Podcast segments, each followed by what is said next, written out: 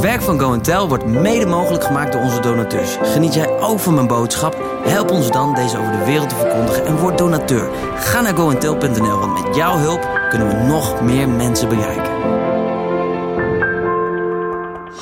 Onlangs zijn er twee nieuwe uitgaven verschenen. Het boek Ik zal van je houden, dat gaat over zelfliefde, geschreven door David de Vos. En een verhalenbundel met de titel Grappig, herkenbaar, eerlijk. 40 herkenbare verhalen van Joyce de Vos. Beide boeken zijn direct te bestellen op webshop.coentel.nl.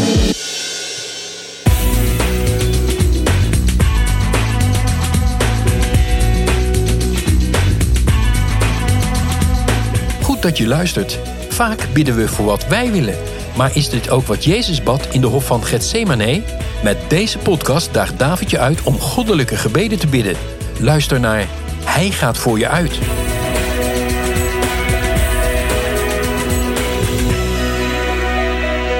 De Heer is waarlijk opgestaan. Het is paasochtend en Jezus leeft. Daar staan we bij stil. Dat mogen we vieren en daar zijn we enthousiast over. En ik hoop dat jij dat ook bent. Maar voordat Jezus opstond, is er een heleboel aan vooraf gegaan. Het is indrukwekkend als je nadenkt over de volheid der tijden. Hoe God dit bedacht heeft en hoe ook alle uitkomsten in zijn handen geleid zijn tot dit perfecte moment waarin God de wereld heeft verlost door zijn enorm krachtig werk. Ik wil je meenemen naar het moment dat de Heer Jezus met zijn discipelen het avondmaal viert. En met elkaar, voordat hij die lijdensweg ingaat, nog even heel intiem is. En daar zich ook nog richt tot Judas. En zegt, er is één van jullie hier die mij zal verraden. En de een naar de ander zegt, ik toch niet, ik toch niet, ik toch niet. En dan komt zelfs Judas even voorbij en die zegt, ja, ik toch niet, heer. En dan zegt hij, degene hè, aan wie ik dit stukje brood geef. En Judas krijgt dat stukje brood. En we weten hoe het afloopt. Judas die verraadt hem daarna met een kus. En hij zegt, meester, kust hem in de tuin. En dan kijkt de Heer Jezus hem aan en hij zegt, Judas, eh, ik kan me zo voorstellen. Vrienden, ehm, bekenden van elkaar. Serieus, is dit nu echt wat je doet? En zijn lijdensweg begon. Hij werd geknopt om zijn leven, hij werd gearresteerd. Romeinse soldaten kwamen eraan te pas om de Heer Jezus in de boeien te slaan. En de Heer Jezus onder de indruk van alle mensen die komen. En dan zegt hij eigenlijk van, meen je dat? Jullie zijn uitgelopen alsof jullie een of andere bandiet moesten aanpakken. En dan uh, wil Petrus natuurlijk nog even een potje knokken. Dat is wat we allemaal lezen. En uiteindelijk lezen we ook in dat stuk dat de Heer Jezus het volgende zegt. En dat vind ik indrukwekkend. Hij zegt namelijk in Matthäus 26, vers 53: Weet je niet dat ik mijn vader maar hulp hoef te roepen? En dat hij mij dan onmiddellijk meer dan twaalf legioenen engelen ter beschikking zou stellen? De Heer Jezus die zegt: Joh, um, je kan wel willen knokken, maar snap je niet dat dit is wat ik wil? Ik moet deze weg gaan. En dat als ik niet wil, dat ik maar hoef te roepen. En twaalf legioenen engelen staan direct aan mijn zij om mij uit deze situatie te verlossen. Als je hierover nadenkt, is het heel indrukwekkend. Stel dat Jezus dat dus gedaan had. Had God de engelen gestuurd? Ja. Hadden ze hem verlost? Ja. Was het de wil van de Heer? Nee. Want Jezus wist, er is een andere weg die ik moest gaan. En hierover nadenkend, denk ik wel eens, soms bidden wij misschien de verkeerde dingen. Terwijl het echte gebed is niet mijn wil, maar wat u wil. Dat moet gebeuren. En in onze super ja, hippe cultuur zeggen we natuurlijk heel makkelijk: ja, doe wat je wil, stel je doelen enzovoort. Maar de echte wil van God zul je op je knieën moeten ontvangen. Dat is Jezus in de hof van Gethsemane. In de stilte, door de pijn heen, door de tranen heen, door de angsten heen. Zeggen, Heer, niet alles wat ik wil, maar, maar wat u wil. En ik kan me voorstellen dat als jij zomaar zou ontvangen wat je maar bidden wil, dat je dan ook gewoon de verkeerde dingen op je pad kan krijgen. Bijvoorbeeld single mannen en vrouwen die bidden: Oh God, stuur me een partner. Iemand, als u maar iemand stuurt. Nou, hello baby. Daar staan ze voor de deur. Zomaar. Maar de vraag is: is dat dan ook Gods wil? Eerste mooie gedachte deze paasochtend die ik je mee wil geven, is niet wat wij willen, maar wat God wil. Dat is het allerbelangrijkste. En dan komt dat prachtige verhaal waar de Heer Jezus verhoord wordt. En de verschillende keren dat hij ook letterlijk heeft gebloed voor al onze zondes. Al de details die in de Bijbel staan, die staan daar niet per ongeluk of omdat ze het op moesten vullen. Maar elk detail heeft een bijzondere betekenis. En dan komt hij voor Pilatus. En dit is een van mijn favoriete stukjes uit de Bijbel. Omdat Pilatus die zit met zijn handen in het haar. Als hij haar had, zit hij met zijn handen Want hij weet niet wat hij moet met deze man. Hij is bijzonder, had veel over hem gehoord. Sterker nog, hij vond het gaaf om hem te ontmoeten. Want hij had gehoord over de wonderen en de tekenen die hij deed. En hier stonden de Joden te schreeuwen dat ze wilden dat hij hem zou straffen. En in dat moment krijgt ook zelfs zijn vrouw een droom. Die zegt, er is iets met die man. Je, je, je kunt hem niet zomaar iets aandoen. Er is iets bijzonders aan deze man. En hij weet niet wat hij moet. En als hij op dat moment diep begint na te denken, denkt hij ineens... Ik ben briljant, weet je wat ik doe? Ik haal de meest verschrikkelijke crimineel uit de gevangenis die ik heb... En die ruil ik dan, want ik moet altijd iemand vrijlaten. En elk goed, normaal denkend mens zal dan uiteindelijk kiezen dat ik Jezus vrijlaat in plaats van die killer, die Barabbas. En dit stukje, als ik dit altijd las, rond dit tijdstip, rond Pasen, dan draaide mijn buik zich altijd om. Omdat ik dacht, wat een verschrikkelijke man, die Barabbas. En, en hoe kan je nou kiezen voor een moordenaar, de zoon van God ernaast hebt staan? Dat is onmogelijk. Totdat God een keer tot mij sprak en zei: David, jij bent Barabbas. Ik zei: Ja, hier, come on. Objection, niet mee eens. Ben geen moordenaar, ben geen killer. Nee, je snapt het niet, zei hij. Lees het nog een keer. Dus ik begon het te lezen. En op dat moment zag ik dat Barabbas zoveel meer was als alleen een moordenaar vanuit de gevangenis. In het koninkrijk zien we dat God altijd communiceert in extreme een extreme dief of extreme armoede of extreme ziekte. En dat doet hij omdat wij allemaal daar ergens tussenin ons bevinden. Klopt, ik ben geen moordenaar, maar ik heb wel dingen waarmee ik niet in orde ben vanuit mijn menselijk zijn in Gods licht. Dus ik kan me identificeren met Barabbas. En God zei: Als ik zelfs de plaats in wil nemen van een moordenaar, dan beloof ik je dat ik ook jouw plaats wil innemen in welke situatie dan ook. Barabbas was de eerste mens die letterlijk aan de lijve ondervond wat het betekent als Jezus jouw plaats in wil nemen. Oh, deze boodschap die preekt lekker. En ik preek hem over de hele wereld. Daar waar dronkards zijn, daar waar moordenaars zijn. Ik heb hem in de gevangenis gebracht. Jezus wil jouw plaats innemen. En wat had God beter kunnen doen dan een extreme moordenaar te nemen en hem als voorbeeld te zeggen: Ik wil jouw plek innemen, jouw straf in ruil voor mijn zegen. Dat is het evangelie. En dan nog even een heel leuk, ja, als, ik, ik zou bijna zeggen als, als, als kers op de taart. Weet je wat de naam Barabbas betekent? Zoon van de Vader. En er stonden er twee. De zoon van God. De zoon van de Vader. En de zoon van de Vader, Barabbas, een menselijke zoon. En wat God de Vader deed is bijna onbegrijpelijk. Hij verstootte de een zodat hij de ander kon accepteren die hij kwijt was. Dit is het evangelie wat jij en ik geloven. Dit is het verhaal wat ons elke keer weer aanvuurt en wat we over de wereld willen vertellen en wat ons drijft en wat ons samenbrengt en wat ons kerk maakt. Er is geen speld tussen te krijgen. Gaan we verder in het meest fantastische verhaal als de Heer Jezus dan onderweg is en hij beschuldigd wordt, dan um, moet hij het kruis meenemen naar de plek waar hij uiteindelijk ook sterven zal. En ik wil je gewoon even meenemen naar dat moment. Matthäus 27, vers 32 lees ik voor. Bij het verlaten van het pretorium troffen ze een man uit Cyrene, die Simon heette. En ze dwongen hem om het kruis van Jezus te dragen. Ook dit is zo'n verhaaltje waarvan je denkt, ah, dat is toeval. Die man die kwam van buiten, een dorpeling, en, en hij, ziet het gebeuren. Jezus wandelt langs en er zijn een paar mensen die zien hem staan en Jezus trekt het niet meer om het kruis te dragen. Hé hey, jij, eh, eh, draag het kruis. En, en hij moest het kruis een stukje dragen. Nee, nee, deze details zijn opgetekend in de Bijbel omdat ze van betekenis zijn. Wie was Simon? Wat was zijn leven? Waar kwam hij vandaan? Hij kwam voor het grote feest in Jeruzalem. En ik denk dat God hem heel specifiek op het oog had. Weet je wat ik leer van Simon van Sirene? Dat is dat Simon kon niet doen wat Jezus deed. Hij kon niet plaatsvervangend lijden. Hij kon niet zeggen: Jezus, het is genoeg geweest, te zwaar voor jou. Vanaf hier neem ik het over. Of ik zal je even helpen wat jij moet doen. Kon allemaal niet. Maar weet je wat hij wel kon doen? Hij kon Jezus ondersteunen in het vervullen van zijn missie. Door het kruis te brengen naar de plek waar alleen Jezus zijn leven kon geven. En dat is iets wat jij en ik vandaag de dag ook kan, kunnen, kunnen doen. Wij kunnen niet doen wat Jezus deed. We kunnen de wereld niet redden. We kunnen de wereld niet genezen. Die kracht is aan God. En die deelt hij in zijn goddelijkheid met zijn kinderen. Maar we kunnen wel helpen om dat evangelie en die paasboodschap over de hele wereld te brengen. Door ons kruis te dragen. En het kruis te brengen naar de plek waar het kruis gezien kan worden. En zegt de Bijbel zo mooi. Jezus zei, als ik van de aarde verheven ben, zal ik al de mensen tot mij trekken.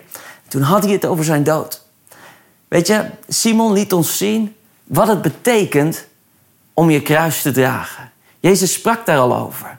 Je eigen leven afleggen, Hem achterna. En dat doen we om Hem centraal te stellen, zodat als mensen Hem ontmoeten, ze eeuwig en nieuw leven kunnen krijgen. En dan in vers 35, nadat ze Hem gekruisigd hadden, verdeelden ze zijn kleren onder elkaar door erom te dobbelen.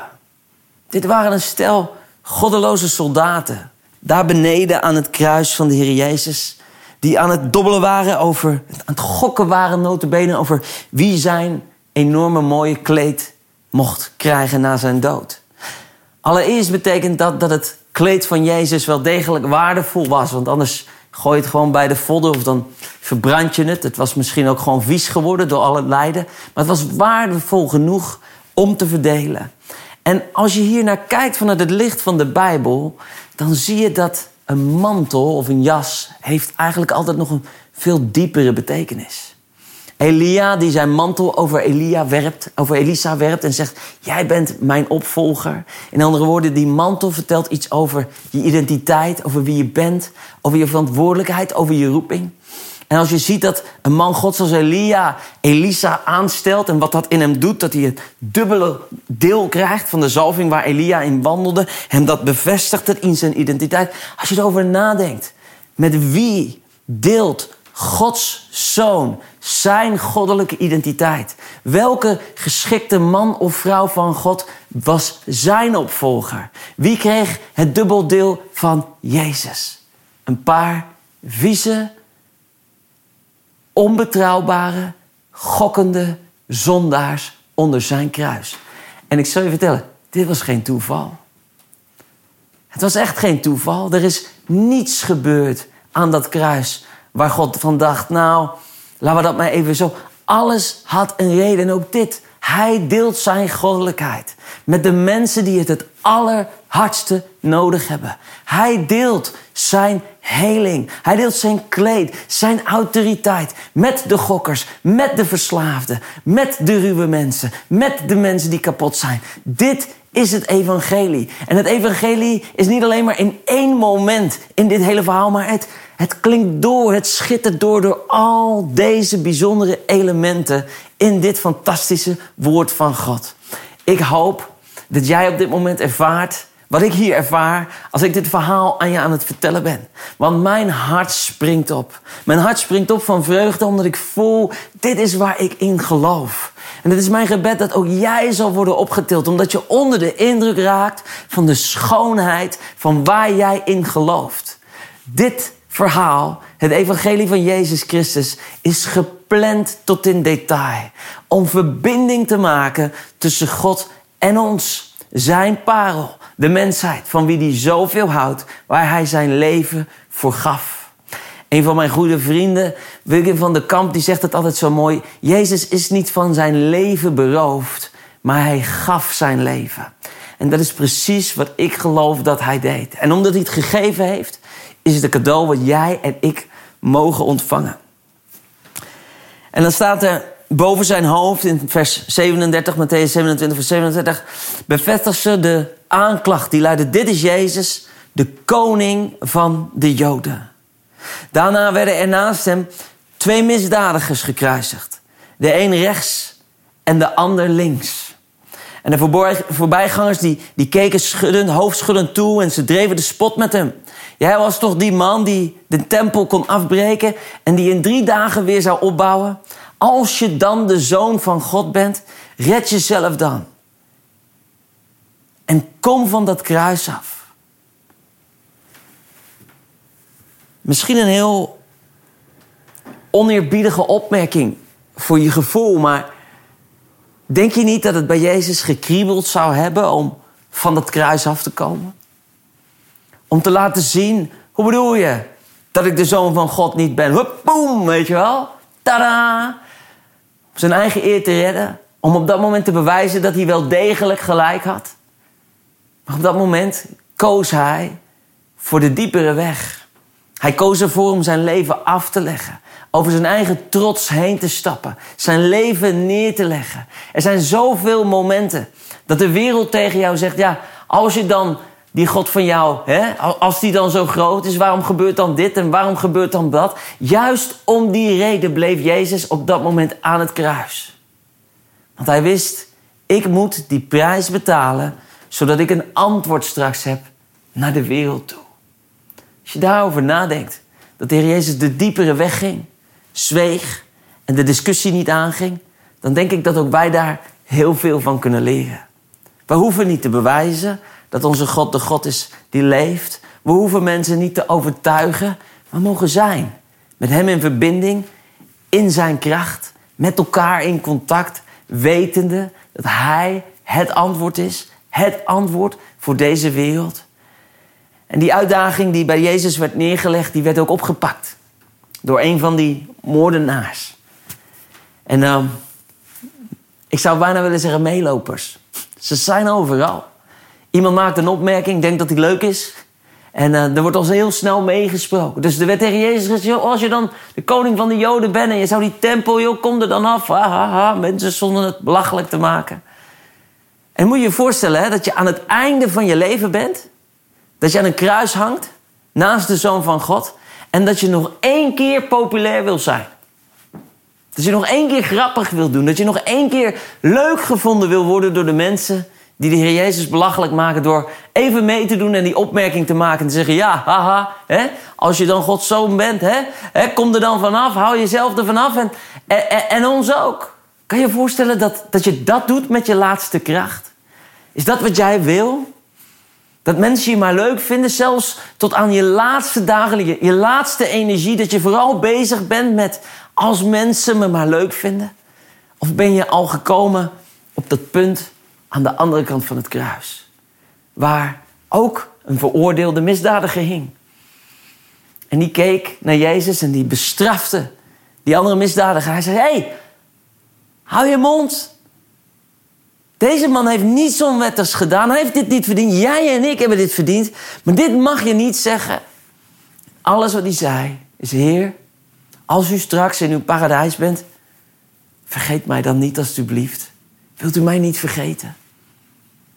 En Jezus kijkt hem aan en hij zei: Heden, vandaag nog, ben je samen met mij in het paradijs. Wauw. Echt, ik.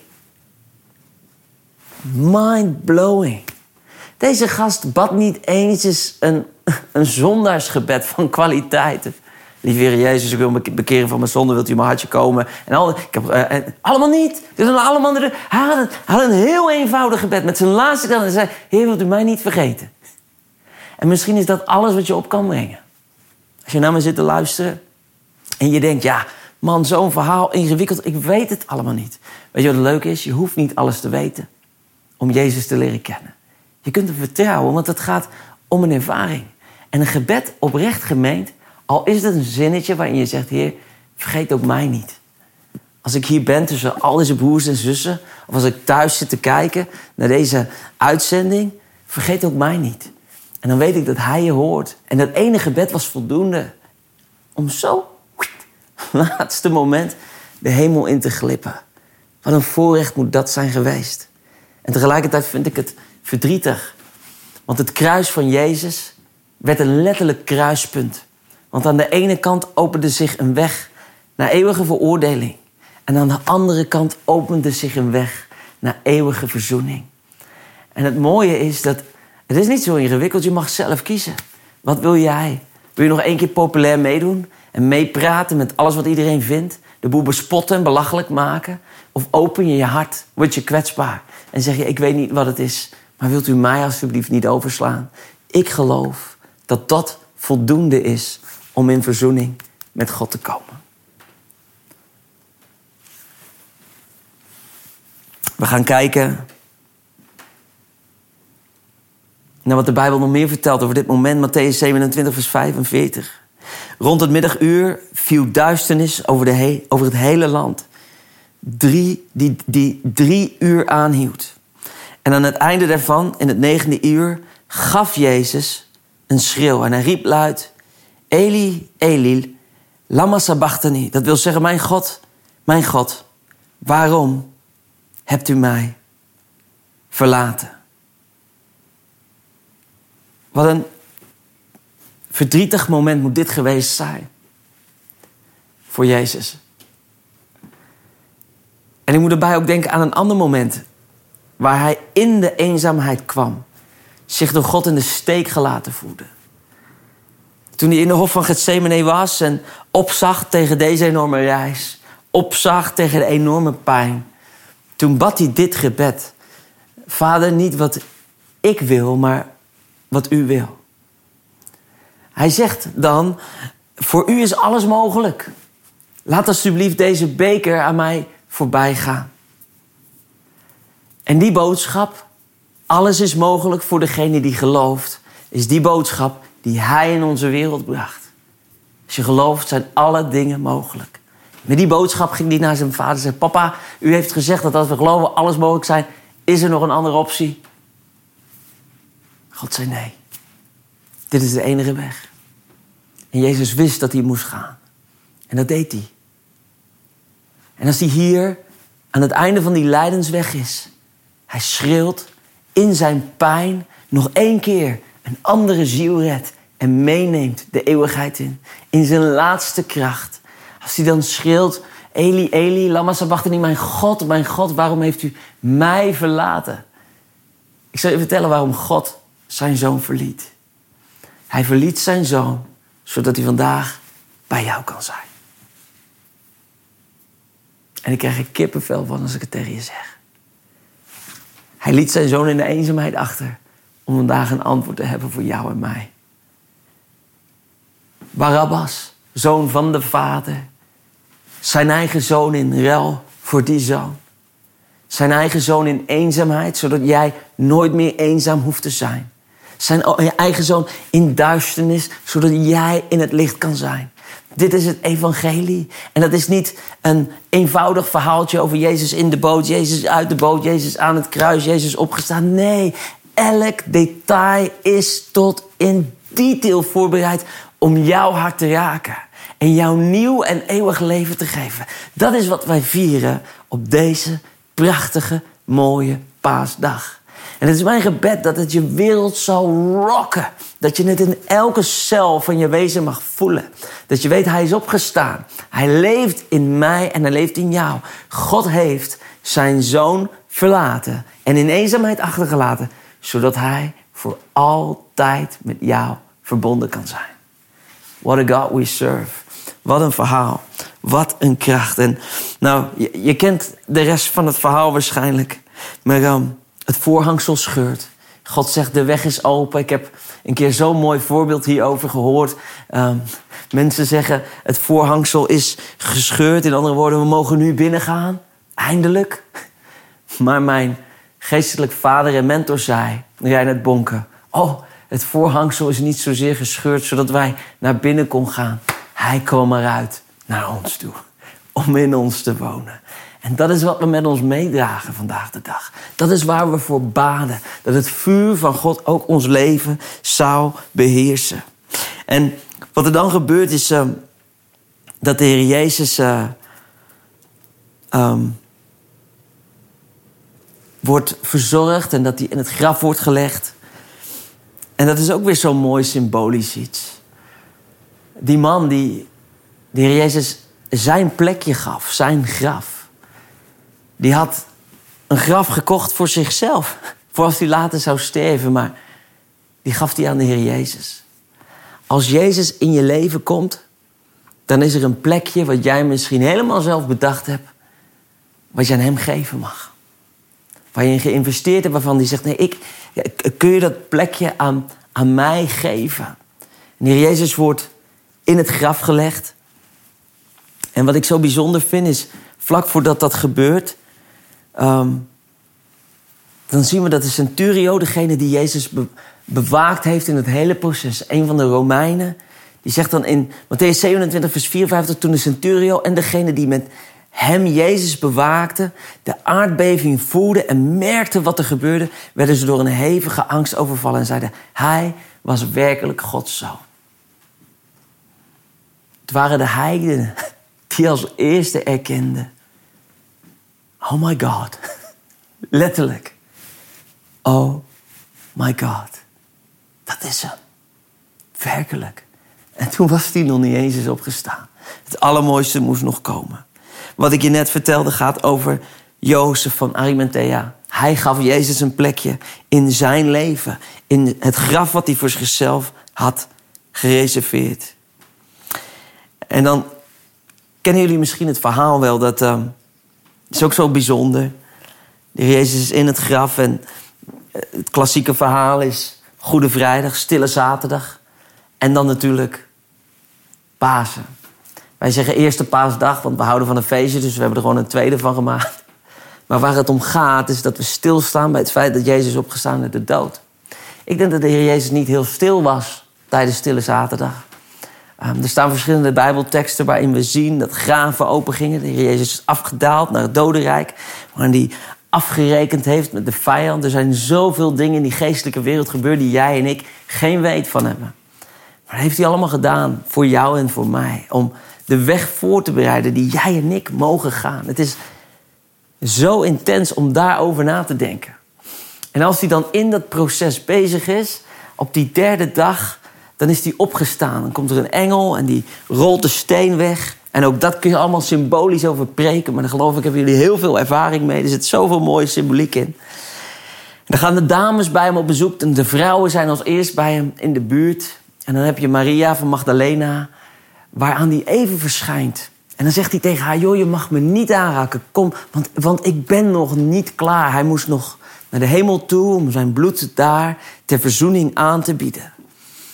Als je erover nadenkt dat de liefde die Maria voor Jezus had en Jezus voor Maria zo intens was dat het Jezus stopte in zijn proces terwijl hij nog niet klaar was om zichzelf eerst even te openbaren en zegt: I'm alive and well. Maar raak niet nou, ik moet even afmaken. Kom zo terug, oké? Hoe persoonlijk, hoe liefdevol, hoe intens, hoe fantastisch. Wat een redder. Wat een Heer. Zo gaaf. En dan staat er dat er een engel is die dan vertelt aan degene... joh, uh, wat zoeken jullie hier eigenlijk? En dan gaan we naar Matthäus 28, vers 6. Hij is niet hier, hij is opgestaan. Zoals hij gezegd heeft, kijk maar... Dit is de plaats waar hij gelegen heeft. En dan staat er dit in vers 7. Ga nu snel naar zijn leerlingen en zeg hun... Hij is opgestaan uit de dood. En dit moeten jullie weten. Nou, toen dacht ik, dit moeten jullie... Wat moeten ze dan weten? En dit zijn ook mijn woorden voor jullie vandaag. Redemption. Dit moet je weten. Hij gaat jullie voor. En er staat hier naar Galilea en daar ga je hem zien. Dat zijn mijn misschien wel profetische woorden. Hij gaat je voor. De plek waar je zo graag naartoe wil gaan, is hij al geweest. Je moet ook denken aan het moment dat de Heer Jezus dat, dat, de, de, maaltijd voorbereidt om met zijn leerlingen te hebben. En dan zeggen ze, waar moeten we dat dan doen? Nou, zegt hij, ga de stad in, daar loopt een man met een kruik op zijn hoofd. Volg die maar en, en vraag maar. De plek die is voorbereid voor mij en voor mijn leerlingen. En alles was tot in detail al gereserveerd.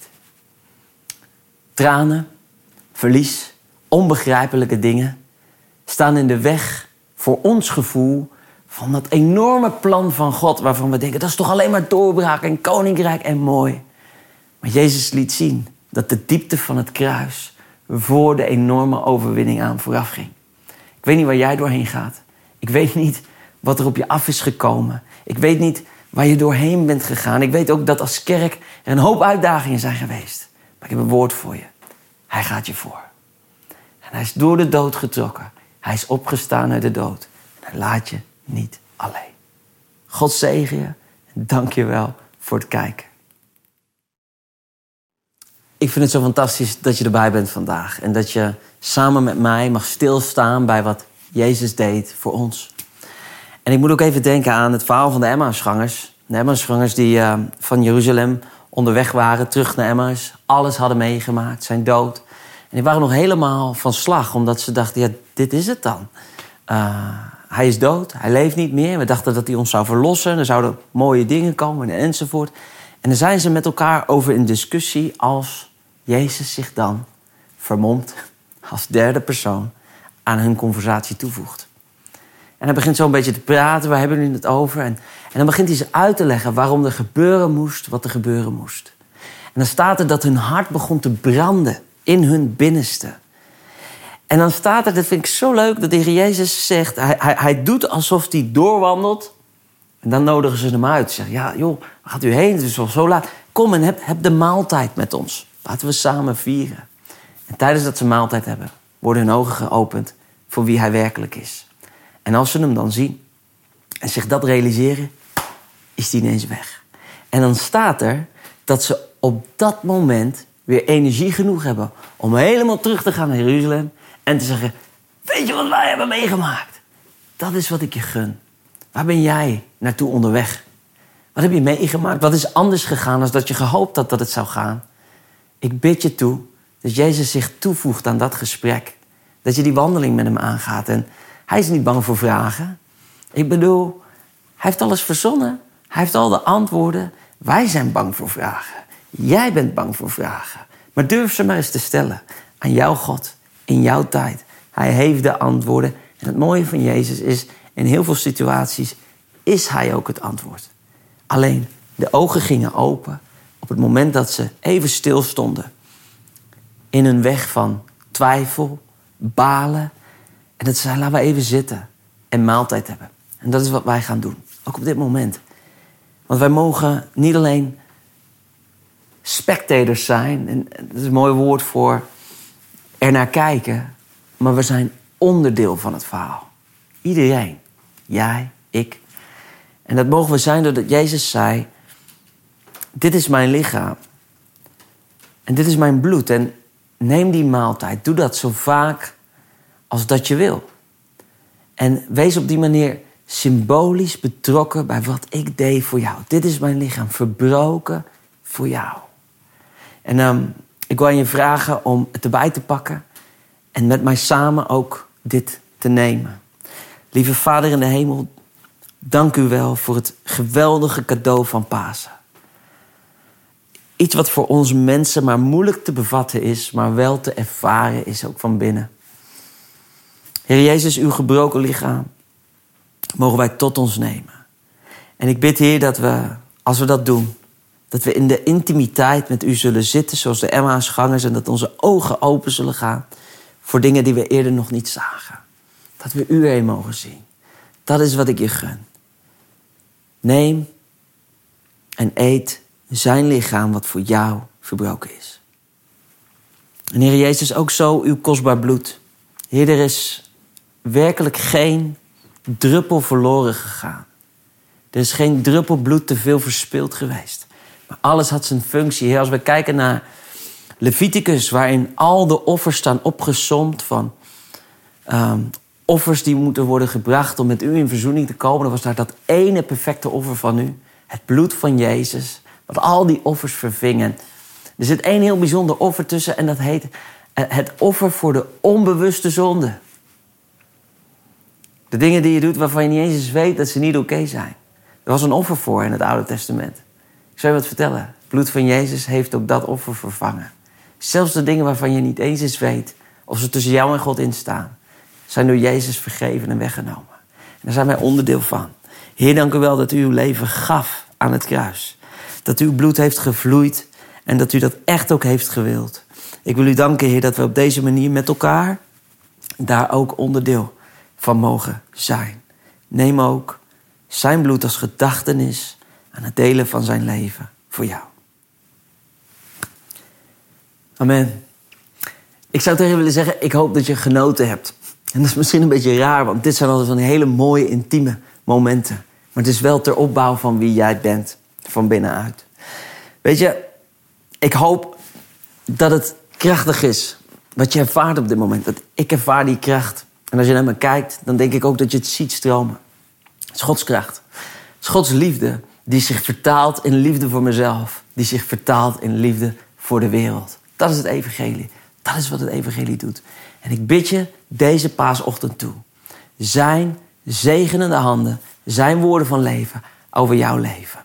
Ik zegen je in zijn wonderbare naam in het ingaan van de komende dagen en de fellowship die je hebt met je familie in deze mooie tijd. God bless you en tot de volgende keer. Dat was hem alweer. Hij gaat voor je uit. We zijn altijd benieuwd naar je reactie. Stuur hem naar info@goentel.nl. Blijf ons volgen via de socials en natuurlijk de Simply Jesus app. Download hem vandaag nog in de App Store of op Google Play.